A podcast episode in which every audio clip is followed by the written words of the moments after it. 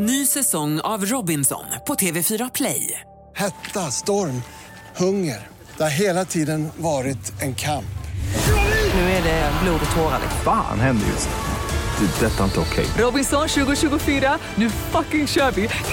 Streama söndag på TV4 Play. Jag fick ifrån eh, Johan och Hanna, eh, ett par som är trogna poddlyssnare till oss. Mm, kul. eh, de skulle lyssna på oss i bilen på förra veckans avsnitt på vägen när de skulle långåka. Och deras dotter, tror jag det var, hade lyckats trycka på en knapp som hade ställt till eh, uppspelningshastigheten. Känner du till att den här knappen existerar på poddspelare? Oh ja, det gör den. Man kan ju, för ibland så, när jag lyssnar på poddar som är lite sega, då brukar jag dra på dem i en och en halv gånger farten för att det ska gå undan Ja. lite. Ja. Och då, då skickade de detta till mig för att de kunde inte sluta skratta. Det, det gick fan knappt att köra bil. Hur du och jag låter, om man, du vet, innan de förstod vad som pågick. eh, så hur du och jag låter om man har lyckats trycka på en knapp som gör att man helt enkelt spelar upp oss lite långsamt. Du ska få höra. Lyssna här ska du se. Jag ska ta det till örat ska du få höra. Spännande. Men mustaschen den tar sig. Den mustaschen tar sig, ja. Hur långt eh, har barberaren tänkt hur långt den Jag där... tror att vi har nog maxat ut.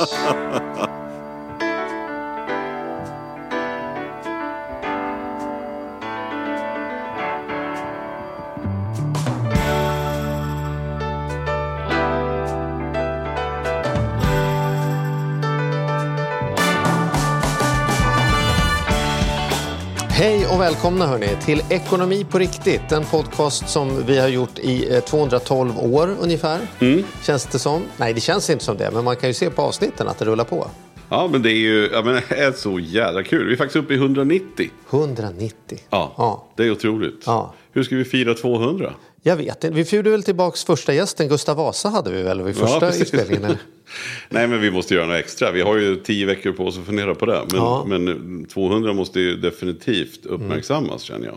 Sitter Det, det du- blir ju början på december så att, eh, vi Just har ju det. ett tag på oss. Just det. Så om du är en, en lyssnare som är sugen på att anordna någon typ av 200-årsfest. eller just det. 200-avsnittsfest. Så är vi på. Då är vi på. Ja. Då kan det bli en bira till och med. Det kan det bli. Vi kanske skulle kunna göra någon livepodd någonstans. Ja, ja precis. Precis. Ja. Ja, vi ser ser. om det är någon, någon fiffig Ja. lyssnare som eh, Om man är fiffig och något. lyssnare, hur gör man då? då?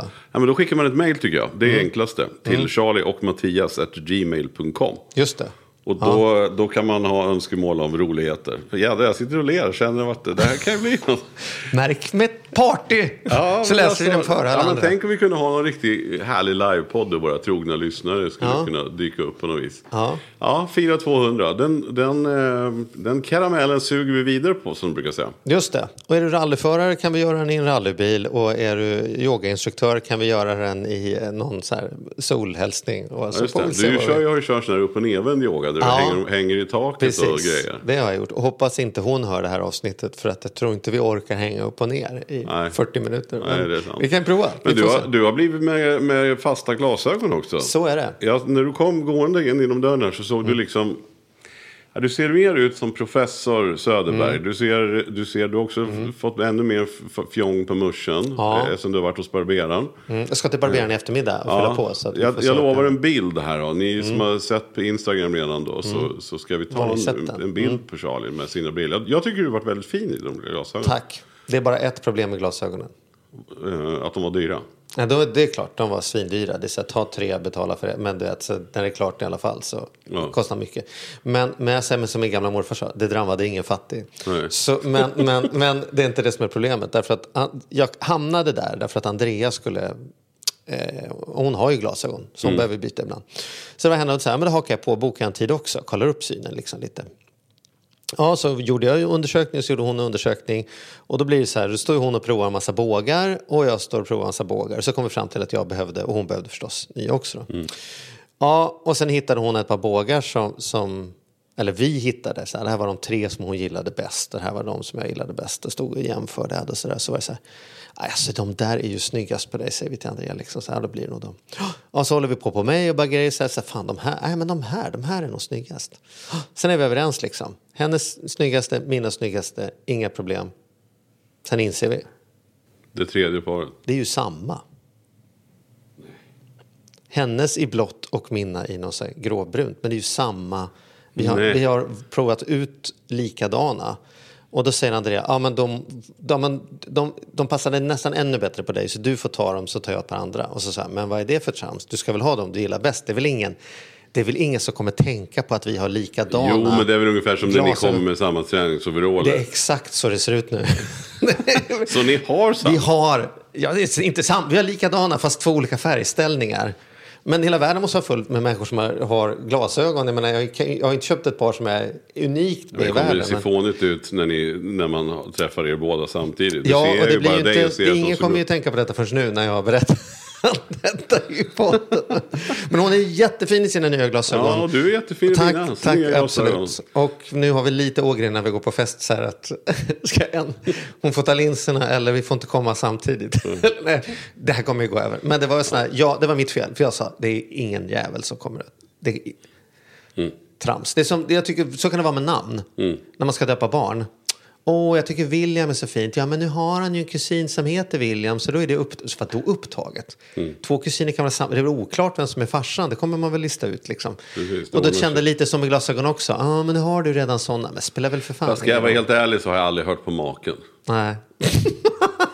Nej, nu får jag ångest. Ska jag vara helt ärlig, det är precis som de som kommer gående med samma foppatofflor och samma träningsoverall gående på sommaren. Eller har semester. delat en, en tub hårfärg och färgat håret samma färg. Ja, det, det, men att komma med exakt samma glasögon. Ja, men likadan fast olika färg, det är inte exakt samma. Det Ja, men det är exakt, eftersom de också är väldigt typiska. Ah, Det okej. är inte så, så att de bara ser ut som ett par glasögon. De är ju Nej. runda så de har en snygg båge ovanpå. Ja, Så när det är en båge över näsan. De är ju liksom... Tack.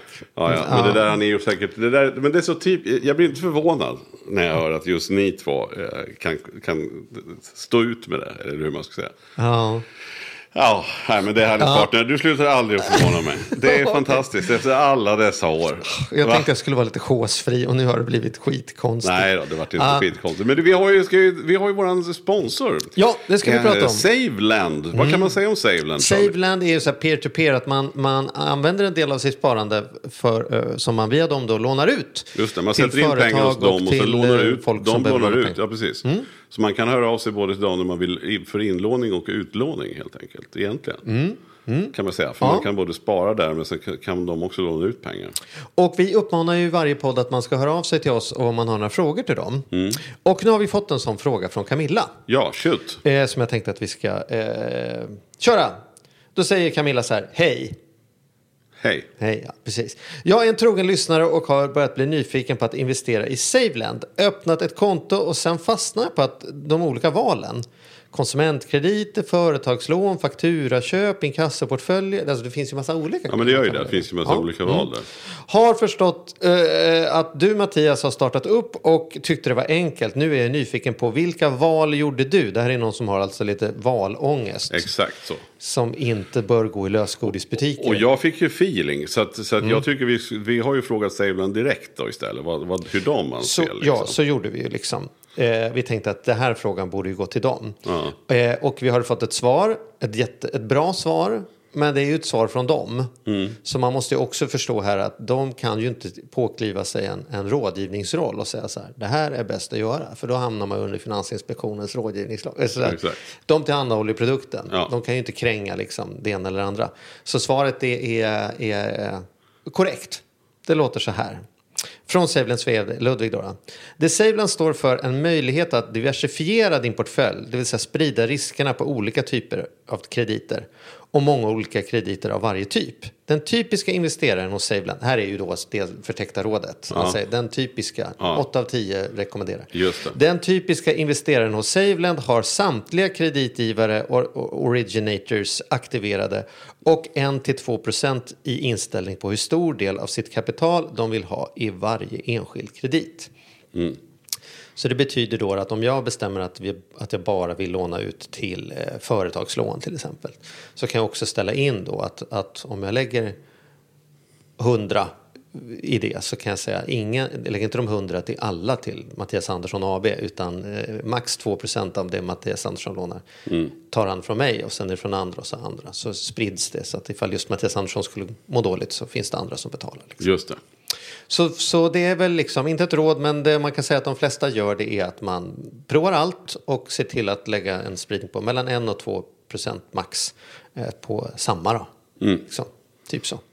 Emma, vi hoppas att, eh, eller förlåt, eh, Camilla, vi hoppas att du fick, kände att du fick svar på frågan.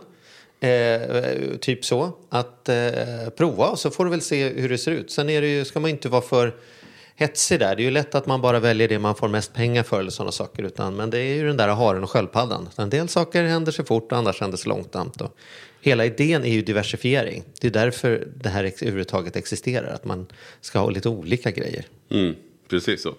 Och det är vårt råd generellt. Då. Ja, och sen är det också så här att vill ni ha mer specifika råd så går det jättebra. Och, och ja, man kan dels mejla oss, men man kan också Mm. mejla direkt till Saveland. Eh, bara mejla till deras kundtjänst helt Eller hur? Så, Ring och så får med man. Mm. jättebra. Eller ringa och prata med dem, precis. Det är inga som helst problem. ju. Toppen, men eh, och vi tänkte köra det här, det här avsnittet tänkte vi ägna oss lite frågor och svar. Vi tycker Mm. det är så himla kul. Vi får så oerhört mycket mejl och massa bra feedback och tips och råd och Mm. grejer från er lyssnare. Eh, så att vi tänker att vi, vi, ja, vi kör lite frågor och svar helt enkelt. Så gör vi. Ja, så gör vi. Vi har fått en fråga här från Emil. Jag Hej, lyssnade. Emil. Hej Emil. Kul att du skriver till oss. Ja, det tycker vi. Det Ja. gillar vi. Där du skriver att du lyssnade på avsnitt 183 och kommer särskilt ihåg frågan om att starta företag och vilka möjligheter det kan göra för ens privatekonomi i förhållande till arbetet som krävs. Just det, där, där filosoferade du och jag i ganska högt och lågt åt alla möjliga håll. Ja. Det är Precis. Hur värt är det att starta ett företag, jag vill bli extremt förmögen och så vidare. Och där tyckte, tyckte Emil att vi missade en del annat. Eh, Så han skulle vilja ha svar på följande. Hur lång tid kan jag förvänta mig att det tar innan jag kan ta ut en lön för att kunna täcka mina personliga utgifter? Just det. Om, om vi börjar där då, han har ju Ja. fler frågor här. Då. Ja. Men, men, Jättebra fråga. Då kan jag, ska jag börja? ja, börja du. E- Emil, don't we all? Det är det alla vill veta innan man startar företag. Men man kan inte både ha kakan och äta upp den. Det är liksom lite vad ett företagande är. Har du en anställning då vet du hur mycket du får varje månad och du vet att det tar tre månader för att få sparken. Eh, å andra sidan kan du aldrig tjäna mer än vad chefen gör. Startar du ett företag då är möjligheterna oändliga hur mycket du kan tjäna, hur mycket du kan jobba. Men du vet på riktigt heller inte när du får några pengar. Det är, är precis som det. Det är ju kunden som avgör. Det kan ju få första dagen tjäna miljoner och det kan ta flera år. Men det rimligaste här är ju att göra någon typ av worst case scenario budget där man tänker så här hur mycket måste jag minst dra in för att kunna täcka mina hushållskostnader och sen göra någon rimlighetsanalys av hur troligt är det att jag lyckas med det. Göra lite kundundersökningar, kanske smygskaffa några kunder innan och så vidare. Men, men det är ju inte, det är ju säkerheten man byter bort då, skulle jag säga. Ja, och för följdfrågan som man också har det är hur man, om man då lyckas få in kapital i bolaget borde jag väl kunna ta ut en lön innan företaget är lönsamt. Om jag tar ut den lönen borde det här väl kunna vara en förutsättning för att jag ska kunna lägga fullt fokus på företaget så att det faktiskt blir lönsamt. Och vad tänker ni om det? Och då, då känner jag ju så här spontant att ja, men det är inte alls givet och det är inte alls många bolag som kan få in ett kapital i bolaget först. Eh, det är ju om man har någon superbra idé eller om man... Ja, han menar um, som riskkapital. Ja, alltså, som riskkapital eller att man då har precis fått in pengar. Det är Det är ju ju inte många som ingen det. riskkapitalist som är intresserad av att betala pengar för att det ska lyftas lön. Nej, det är ju möjligen om man, har, om man har knäckt någon sån eh, idé eller att man har skapat sig någon särskild app. Eller om det är någonting unikt som man kommer med som man kan Ja. sälja in. Man går först på pitchmötena och känner att... Men då är, då är det ett sätt i att dra igång företaget. För det måste du ju ägna dig tid åt. Jag har ju Eh, suttit att på andra bordet. Jag har ju suttit på andra bordet och investerat i en rad bolag. Och det Mm. vet jag att du har gjort lite grann också. Och det kan jag säga, Emil, hade du kommit till mig spelar nästan ingen roll hur bra din idé är. Om du inte är beredd att riska din egen lön.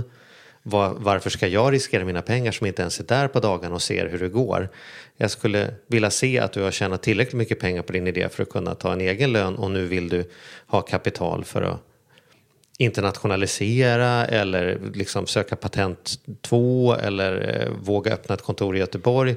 Men att jag ska som riskkapitalist lägga in pengar i ditt bolag som du ska använda för fotbollsträningar. Då ska jag ha väldigt stor andel av ett bolag som verkar vara väldigt bra. Det låter dyrt. Pengar finns det mycket, procent finns det bara 100. Han lär nog få behöva börja med att dra igång sitt bolag på egen kraft och energi och se till Men att det, tjäna precis, och pengar. bästa fall är det om man har en sån verksamhet så att man kan smyga igång den. Så att man kan starta Mm. kanske på helger och kvällar och se hur mycket tid man vill lägga. För att han, han fullföljer också här med att han skriver så här att jag antar att den större frågan handlar om hur jag i mitt privatliv som minst överlever i området pengarna, relationer och hälsa för dagen. Och att han bestämmer sig för ett företag är en bra idé eh, till dagen då företaget är lönsamt. Hållbart är nog ordet, skriver han. Hur gör jag det hållbart till mig för att driva igång företaget? Måste jag tömma ut alla mina sparade pengar i sparbössan och skrota fotbollsträningarna? Eller är det rimligt att inte behöva offra allt jag har? Mm.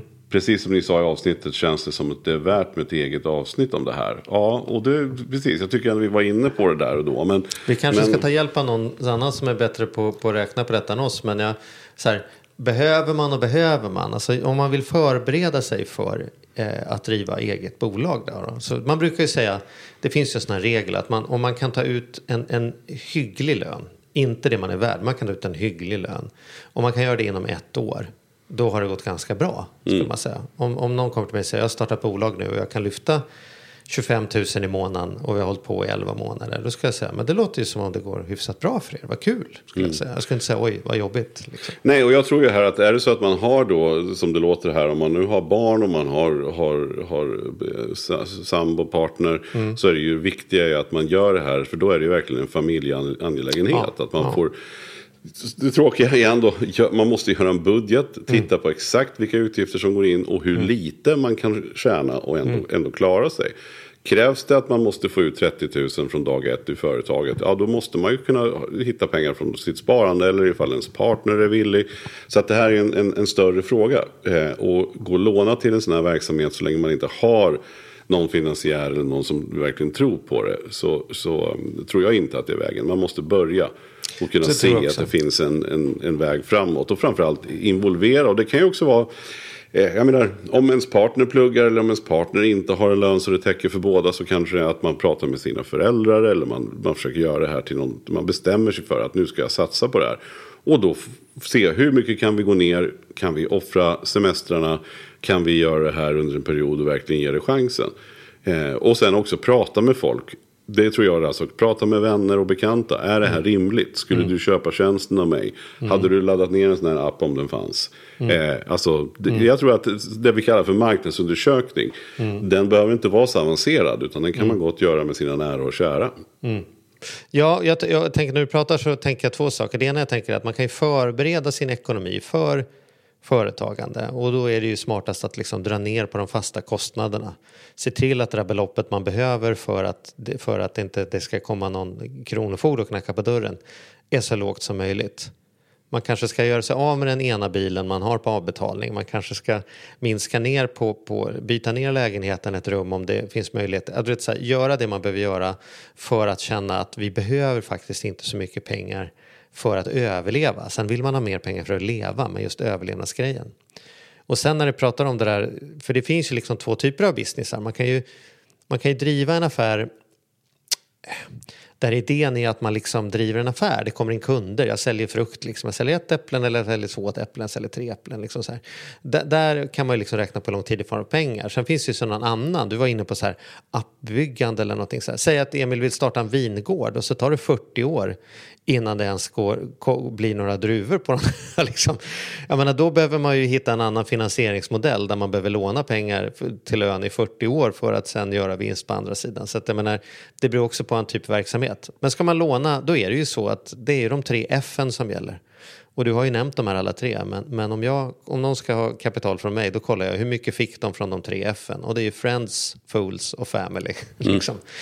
Har, har, hur mycket, om inte deras egna vänner och deras egen familj och de människorna de har i, runt omkring sig, om inte de trodde tillräckligt mycket på dig för att vara beredd att säga så här, vet du vad, jag tar lite av mina sparpengar och sätter in i det här projektet som har varit med dig på kräftskivor och sett hur du beter dig när du ska springa Lidingöloppet, då är, är det ju en stor varningsklocka för mig då och säga så här, varför ska jag tro på dig när ingen annan verkar tro på dig liksom. Så svaret är, börja med Friends and Fools and Families om du behöver låna pengar. Eh, se till att du har dragit ner dina fasta kostnader så du inte behöver hålla på att ta av dyra pengar du har, du har kanske betalt procent av bolaget för eh, och använda till lön. Liksom, utan eh, håll det till ett minimum. Och kan du få en hygglig lön på ett år då ska du nog vara ganska nöjd. Men det är just det som är spelet, att man vet ju faktiskt inte. Nej. Tänk om du skulle spela tennismatch och säga så här, hur många matcher måste jag spela innan jag garanterar att ha vunnit? Ja, Precis. det beror ju på hur bra du spelar tennis. Liksom. Ja, men så är det ju. Snyggt. Nu fick jag med lite svar i alla fall. Ja, ja, så är det. Mm. Ja. Hoppas du är nöjd. Ja, men jag, jag tror inte att vi kommer komma djupare än så. Eh, utan det är precis det det handlar om. Alltså, that, that's it, helt enkelt. Det är där man måste börja. Ja, men det skulle vara ganska kul, det skulle vara ganska kul att, att ha en gäst som har, är duktig på att urskilja vilka bolag man ska investera eller inte investera i. Som liksom kan smyga in lite från andra hållet och säga så här, vad skulle han titta på på en sån som Emil för att se om han är värd att satsa på? För det borde ju Emil satsar ju på det, så att säga, genom att satsa på sig själv. Ja. Det här var ju bra, vi, vi, tycker jag. Det var kul i alla fall. Ja, har du fler frågor? Kasta ja, men, en fråga. Ja, men precis. Då är det så här. Eh, tanken, här kommer en tanke, vad intressant. Tanke slash fråga här. Tankens bakgrund är så här. Oavsett typ av inkomst så sker varje år en ökning av beloppet av inkomsten för att täcka inflationen. Jag förstår att jag får lika mycket värde, inte mer, för inkomsten detta år jämfört med förra året. Men helt ärligt så märker jag ingen skillnad eftersom inflationen bara är cirka 2%. Det lustiga är att jag, även om jag intuitivt förstår eh, det här så känner jag mig rikare när jag ser att inkomsten har höjts. Jag tänker ungefär att det är härligt att jag får några extra hundralappar i inkomst varje månad. Ja, det är ju en sund tanke liksom. Eller Helt rätt. ologisk tanke, men Ja, igenkännlig. men, men Igenkännlig. korrekt kan man väl säga då. Ja, mm. Eh, med det sagt borde det inte finnas en listig taktik för personer som vill börja spara öka sin sparkvot i princip utan att det märks att det varje år är sitt sparande med samma belopp. Alltså att öka sitt sparande med samma belopp som inkomstökningen från inflationen och därmed lura sig själv att bli rikare. Över flera års tid så skulle sparkvoten kunna höjas med flera, hund, med flera tiotal procentenheter.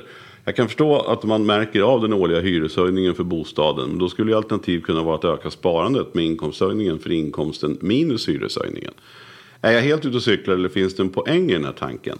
Varför har jag aldrig hört någon prata om det här? Skulle vara väldigt intressant att föra era tankar om det här oavsett om ni tar med det i podden eller inte. Ja. Tack för en bra podd. Tack själv. Eh, Vad roligt att han gärna skulle vilja höra oss prata om detta oavsett om det är med i podden. Som var skulle han annars höra oss prata om det? Det kanske är den där festen Nej, men han kanske tänkte att vi skulle bara ge ett svar Ja. på, på mejlen rakt upp och ner. Men jag tycker det är en, en, en bra tanke. Det här med att faktiskt öka då sitt sparande. Eh, I takt med, för det är ju inte så många, man bestämmer sig kanske för att jag ska spara 500 kronor i månaden. Och sen så fortsätter man med det fast man får mer lön eller Mm. inte. Ja, v- vad, vad säger du? Nej, men jag tänker flera saker. Jag tänker dels, eh, till att börja med, för att det kan, gick ju lite fort i början där. Det kan ju vara någon som inte tyckte detta var självklart. Så en del av den löneförhöjningen man får varje år får man ju för att man kanske ska vara kvar, för att man har gjort ett bra jobb och så vidare. För, liksom, som man har förhandlat om man har den typen av lön. Men en del av den löneförhöjning man har äts ju upp automatiskt av att allting annat blir dyrare. I och med att alla på ICA har löneförhandlat också så ökar ju också priset på purjolök. Så att jag menar, det blir bara samma sak. Mm, precis. Och det är det vi kallar för inflation. inflation då, kan man säga. Så säg att vi, vi har ett inflationsmål i Sverige på 2% Så 2% ska allting bli dyrare varje år. Eller våra pengar ska bli 2% mindre värda.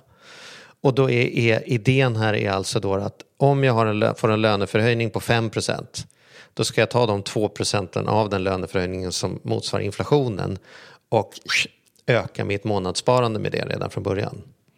Och det är väl en, det är väl en skitbra modell. Annars brukar man ju tänka hur mycket, hur mycket av löneökningen kan du tänka dig att spara? Det var ju när vi hade Shoka här och pratade om nudging så var vi inne på att folk var mer beredda att spara pengar de skulle tjäna i framtiden att spara pengar de hade just nu.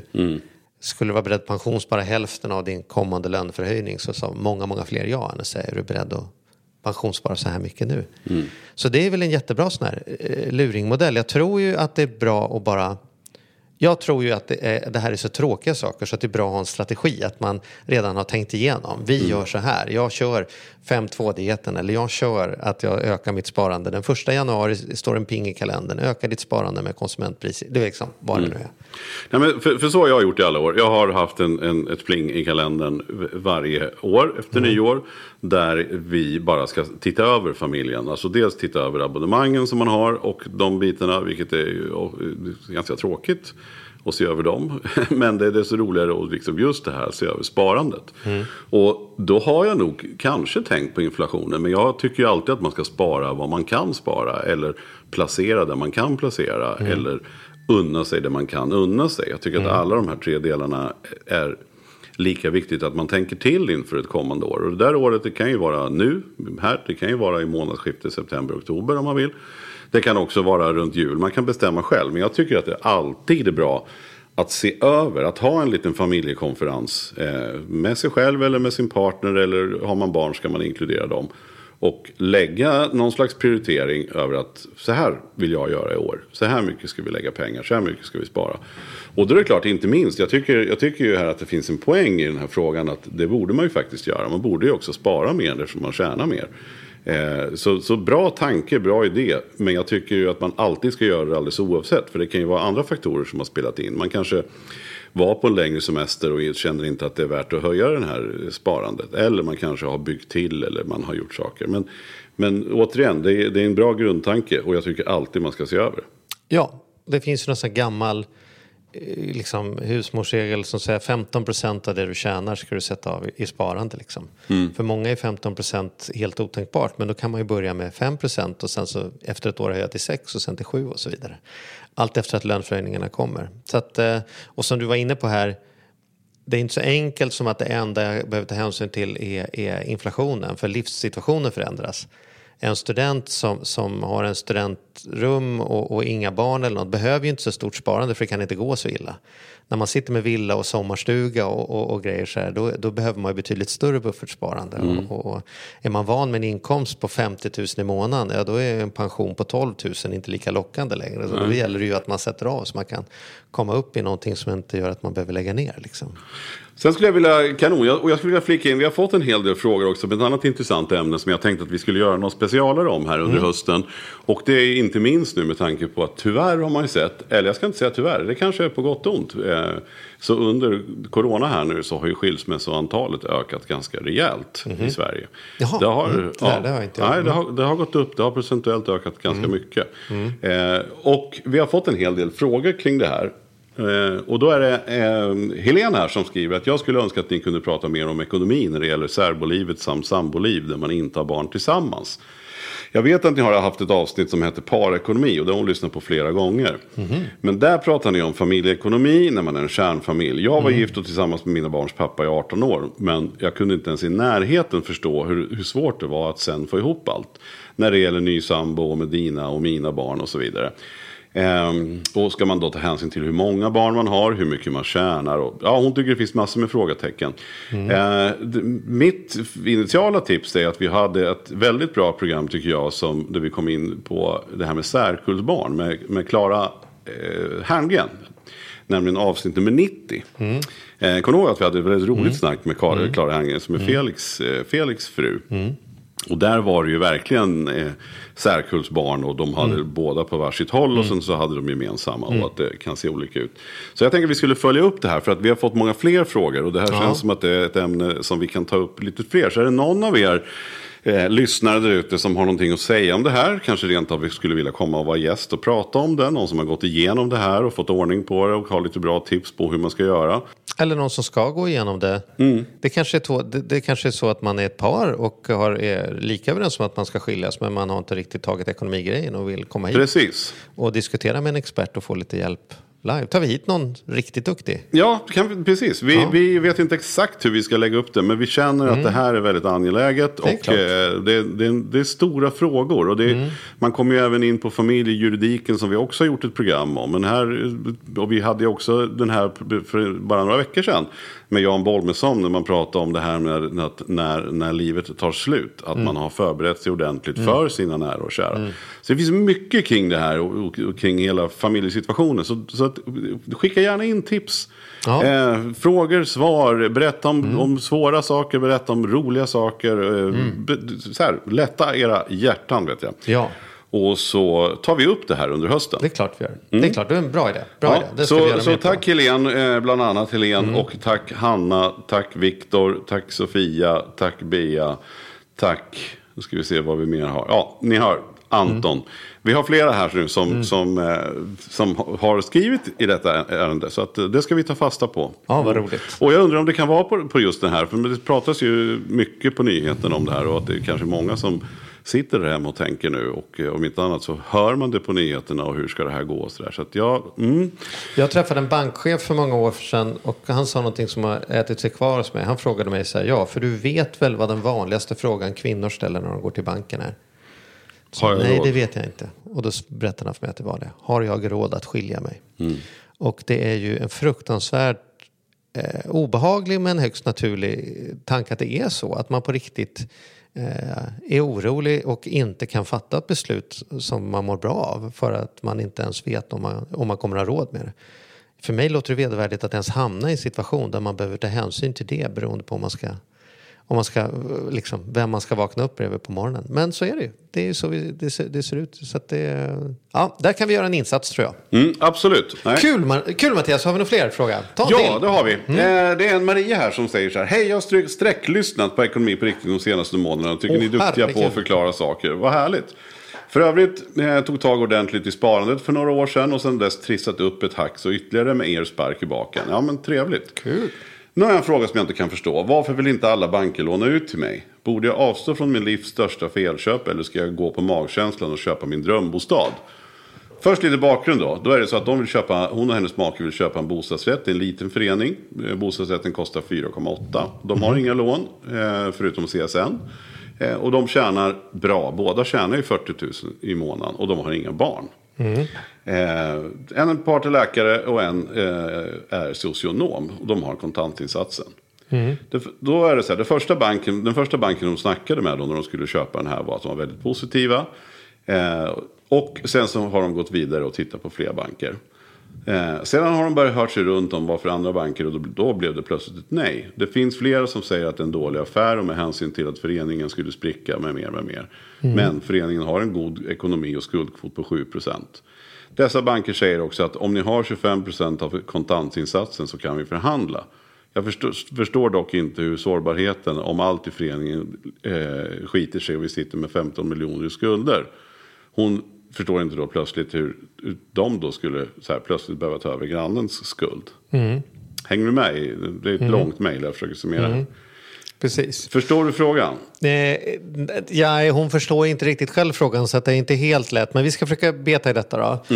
En bank måste ju, har ju faktiskt i Sverige en skyldighet när man lånar ut pengar att dokumentera och bevisa att man har gjort beräkningar att, den, att det här är någonting som den här personen klarar. Ja, precis. att Det är det betala man brukar tillbaka kalla för att man måste få ihop kalkylen. Brukar Ja. ju banken säga. Så därför kan man inte bara gå in till banken och säga så här, jag vill låna pengar, vad jag ska ha dem till kan väl du skita i och så vidare. Utan, utan de måste, därför att de kan faktiskt i efterhand bli stämda och säga så här, nu lånar ni ut pengar till någon som ni inte borde lånat ut pengar till. Så, så, så där, därför är ju banken då, delvis därför är ju banken noga, men sen vill ju banken heller inte ha massa kreditförluster. Då måste man ju höja räntan till alla oss andra. Så... ehm, så idén här är ju att banken gör någon typ av bedömning av verkar det här vara, vara schysst och bra eller inte. Här har ju då banken då, och inte bara en bank låter det som, utan det hon beskriver här är att det är både två, tre och fyra banker som alla säger så här, nej, vi tycker inte att vi, tycker inte att vi vill låna ut pengar till den här affären därför att det verkar vara för osäker ekonomi i föreningen. Verkar det vara. Och då skulle jag bli väldigt förvånad om Maria säger så här, fast det är jättebra ekonomi i föreningen och sen är det tre banker som har dragit slutsatsen att det inte är det. Mycket kan man ju ha åsikter om banker men räkna brukar de ju faktiskt kunna ganska bra. Så där skulle jag ju i sådana fall, Maria, ber, sätt dig ner med banken istället och ber dem förklara vad är det med föreningens ekonomi som de är så oroliga för. Eh, och om de är det så kanske det är så att de har en poäng i det helt enkelt, att det är oroligt. Sen säger de så här att om ni har tillräckligt mycket kontantinsats, ja då minskar risken och då menar man ju det att menar, då kan man väl leva med en del av den förlusten det skulle vara så, för då har man inte lånat ut alla pengarna i alla fall. Va? Utan man står lite själv där. Men det är ju så att har man en bostadsrätt och det händer det som ganska sällan händer, om man skulle till och med säga sällan, punkt slut, händer. Det vill säga att föreningen går i konkurs. Då, då blir det ju så att säga så att man blir av med, med eh, ehm, alltså lägenheten när man har kvar, man, man bor i en hyresrätt helt enkelt kan man säga. Ehm, Och jag, jag har till exempel ett exempel då eh, där en klient nu, eh, precis här i dagarna, har velat, eh, hon har sålt sin lägenhet. Och eh, har fått tag på en hyreslägenhet men vill köpa ett sommarhus på Gotland. Och där har hon nu, hon har alltså en kontantinsats, hon har två miljoner. Liksom cash. Jädrar. Som hon då, hon har hållit på länge och, och sålt och fixat sådär. Så, och, stryker man ju, och inga lån. Det vill säga man sitter ju jätte, jättebra till. Och nu vill hon då köpa ett hus på Gotland som kostar 3 miljoner. Det vill säga hon kan ju gå in med mer än 50 procent. Eh, hon tänker gå in med 1,7 så att hon har 300 000 kvar som buffert. Och allt så långt är ju, låter ju inget konstigt alls. Nej, men nu kan jag gissa vad problemet blir. Ja, för nu när hon går till banken, dels är det så att hon jobbar halvtid därför Mm. att hon är artist vid sidan. Och jobbar halvtid, hon har en halvtidstjänst. Mm. Men sen så har hon också ett antal barn. Och då visar det sig ju att banken får inte ihop den här kalkylen. Det vill säga argumentet lätt sagt är att man kan inte äta av väggarna Mm. på huset. Så att det måste ju räcka till till vad barn ska kosta. Och det här finns ju uppställningar man går in på en bank till exempel och tittar på. Vad, vad anses det att ett, att ett barn kostar och två och tre och så vidare. Och vad man behöver ha över eh, i sin ekonomi. Och då visar det sig då att hon ju inte tjänar tillräckligt mycket för att ha ett lån med de här, ja, den storleken av lån. Hennes så kallade skuldkvot blir för hög. För den säger ingenting om hur mycket pengar du har. Utan skuldkvoten är bara hur mycket lån du har i kronor i förhållande till hur mycket du har i lön i kronor. Eller vad du tjänar varje månad i kronor. Precis. Och det är därför till exempel det kan vara väldigt svårt för den som är pensionär eller sådana saker att låna pengar. Därför att man tjänar för lite varje månad i pension för att kunna rättfärdiga ett lån för två miljoner. Sen att man har åtta miljoner man kan lägga in kontant själv och bara behöver låna två. Det spelar liksom ingen roll för det tar ändå inte hand om de två sakerna som banken enligt lag behöver titta på. Belåningsgraden och skuldkvoten. Precis, och det är ingen idé att man blir sur på banken därför att det är ju så att bankerna i sin tur, är det så att det skulle visa sig då att man, man får igenom ett sånt här lån och sen visar det sig efteråt att, att eh, man inte fick ihop det. Då kan man ju alltså gå till banken och säga hur kunde du låna ut pengar till mig? Det borde, inte, det borde ni inte ha fått göra. Och då kan banken åka på den affären. Så att det är ju det är inte så mycket man kan påverka. Men däremot det man kan fundera på då det är ju om man kan hitta en medlåntagare. Om man har någon, någon anhörig eller familj allra helst då. Eller någon som, som kan se till så att man får ihop det på det sättet. Så det är ju liksom eh, det tipset. Annars så tycker jag också att man ska faktiskt fundera. Nu vet ju jag att den här tjejen som jag pratar om är noga och, och aldrig sen med en räkning och får ihop det. Och jag vet också att, att det kommer att komma in artistjobb även om det just nu är corona. Så, så, så kommer det att komma in saker som gör att hon klarar sig. Det. Men det är, det, banken måste ju ha fakta. Ja. Och, och det här är, kan ju vara ett väldigt knivigt läge. Ja.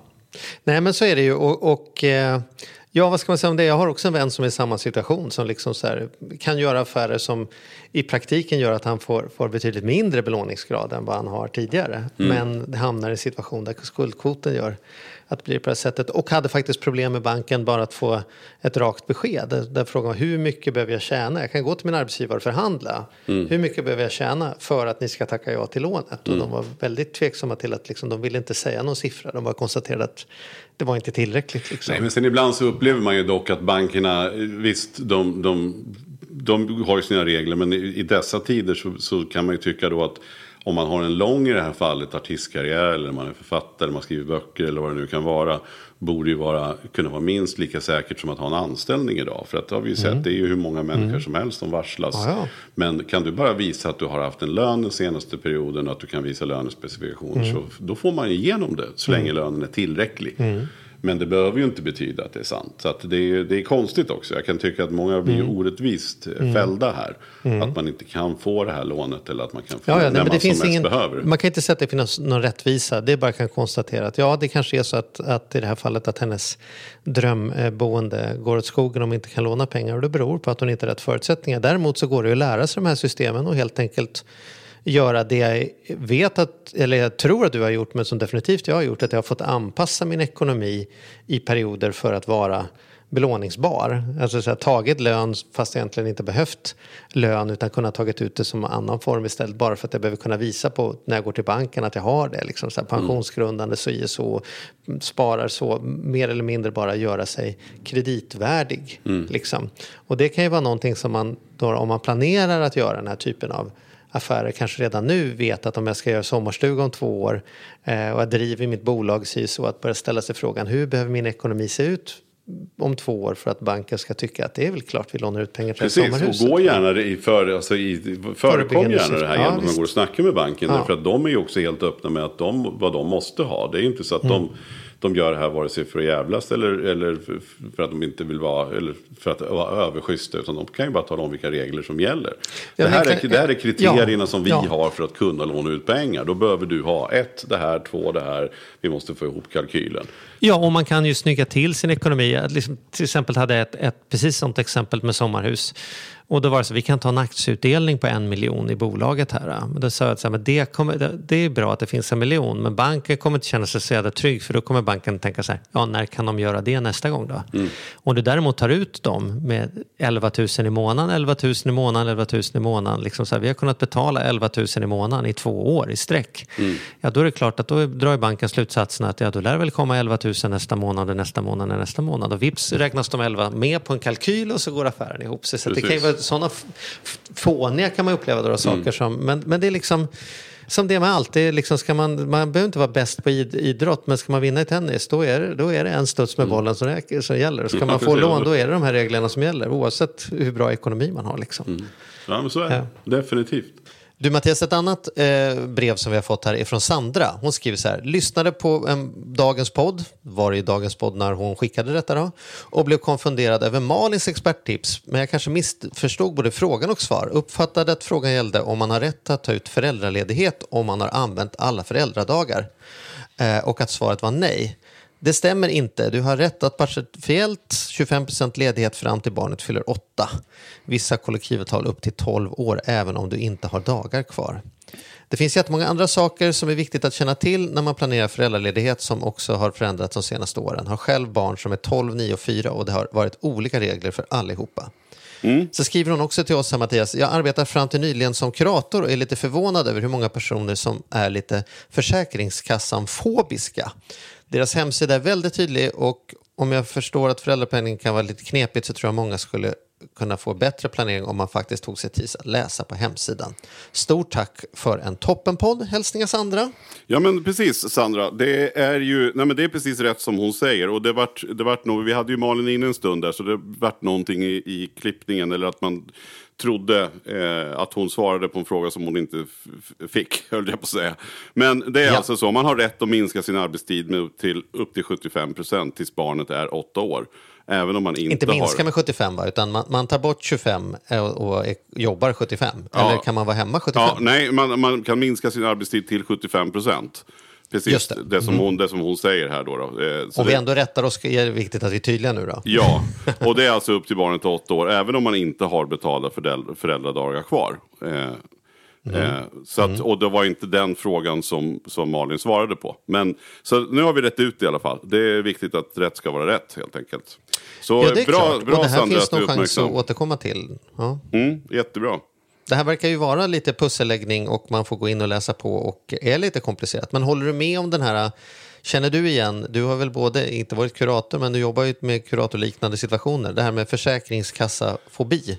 Ja men det är jättemånga som, Sandra har det. Det är verkligen jättemånga som har det. Och jag, jag, förstår, jag förstår det. Men det är faktiskt som Sandra skriver att det är tydligt. Det, det har blivit bättre och bättre. Och sen så hör man olika bud. För någon kompis säger så här och någon har missförstått och sådär. Mm. Så det här är, det här är känsligt och, och jobbigt. För man vill ju göra rätt då. Hur ska det bli nu mellan pappan och mamman och hur man ska göra. Men, men det Mm. är faktiskt, jag håller med Sandra. att Gå in och titta på Försäkringskassans hemsida så är det faktiskt ganska tydligt.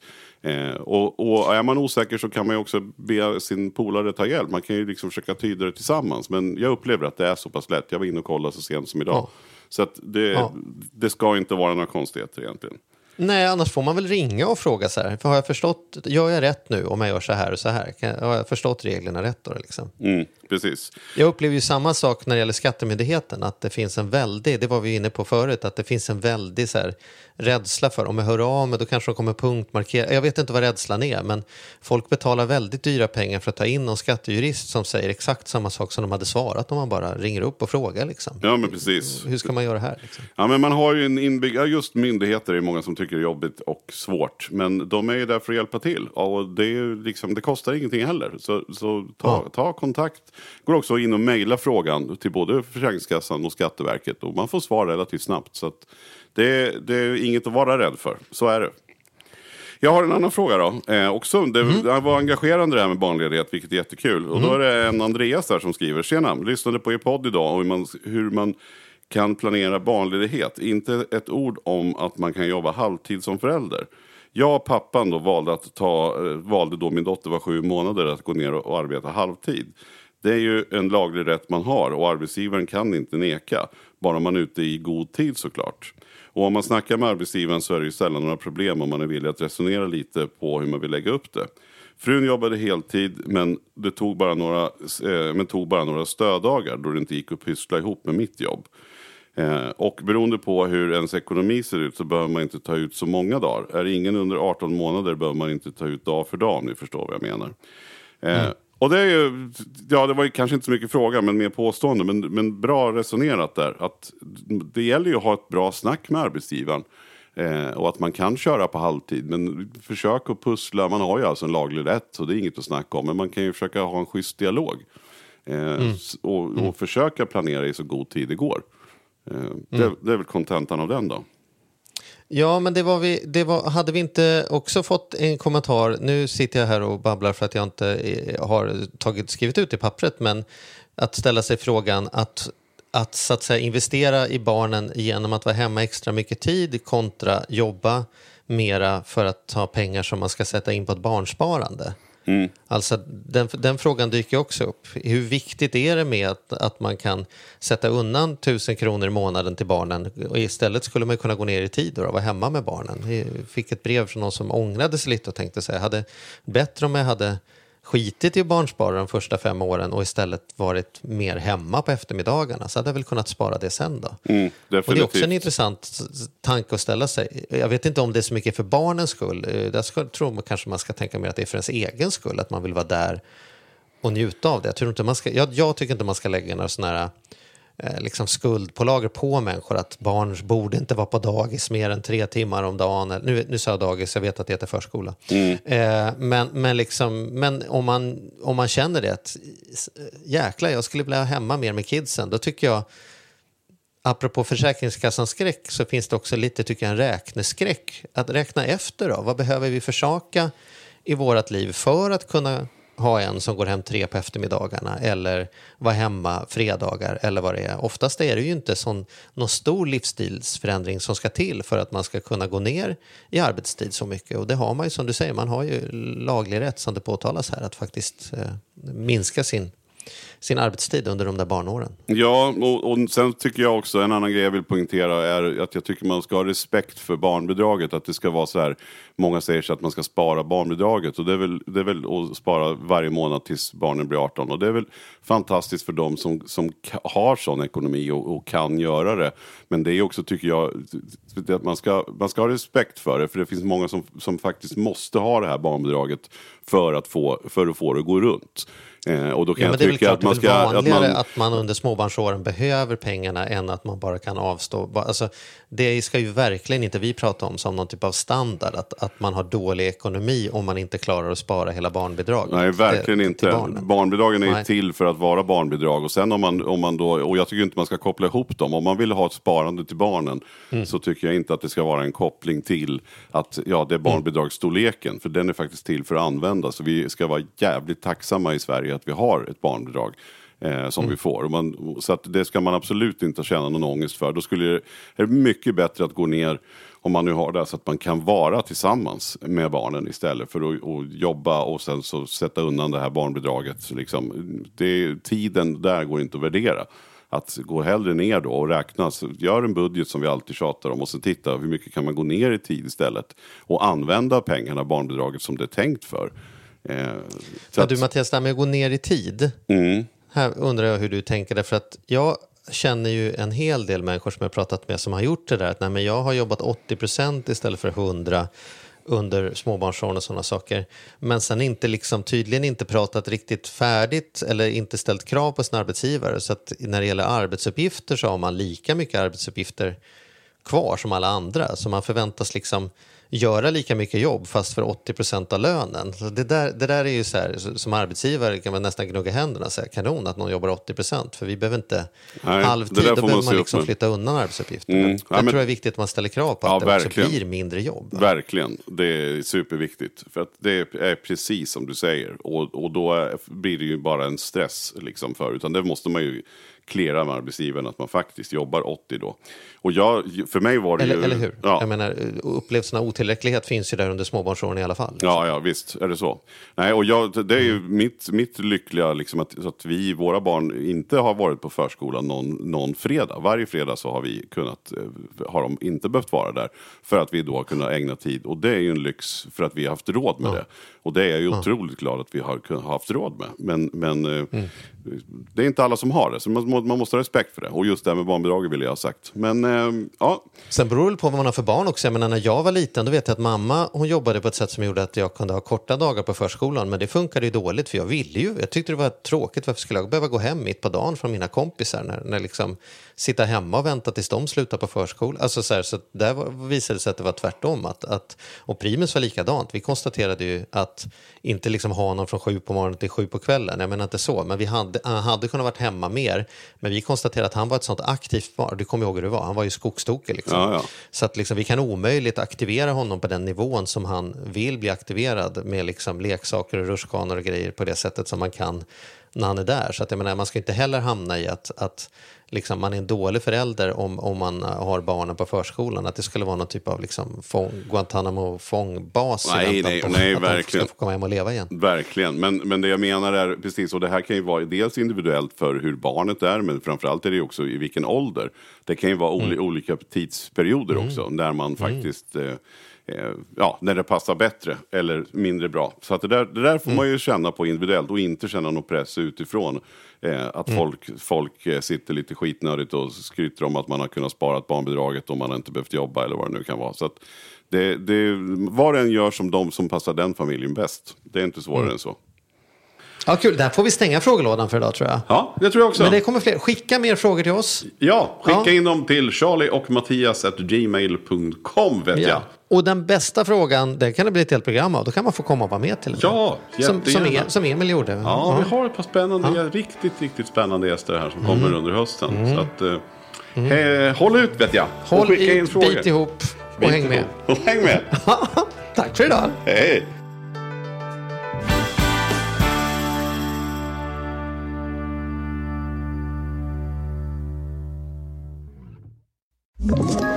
Ett poddtips från Podplay. I fallen jag aldrig glömmer djupdyker Hasse Aro i arbetet bakom några av Sveriges mest uppseendeväckande brottsutredningar. Går vi in med hemlig telefonavlyssning och, och då upplever vi att vi får en total förändring av hans beteende. Vad är det som händer nu? Vem är det som läcker? Och så säger han att jag är kriminell, jag har varit kriminell i hela mitt liv men att mörda ett barn, där går min gräns. Nya säsongen av Fallen jag aldrig glömmer på Podplay.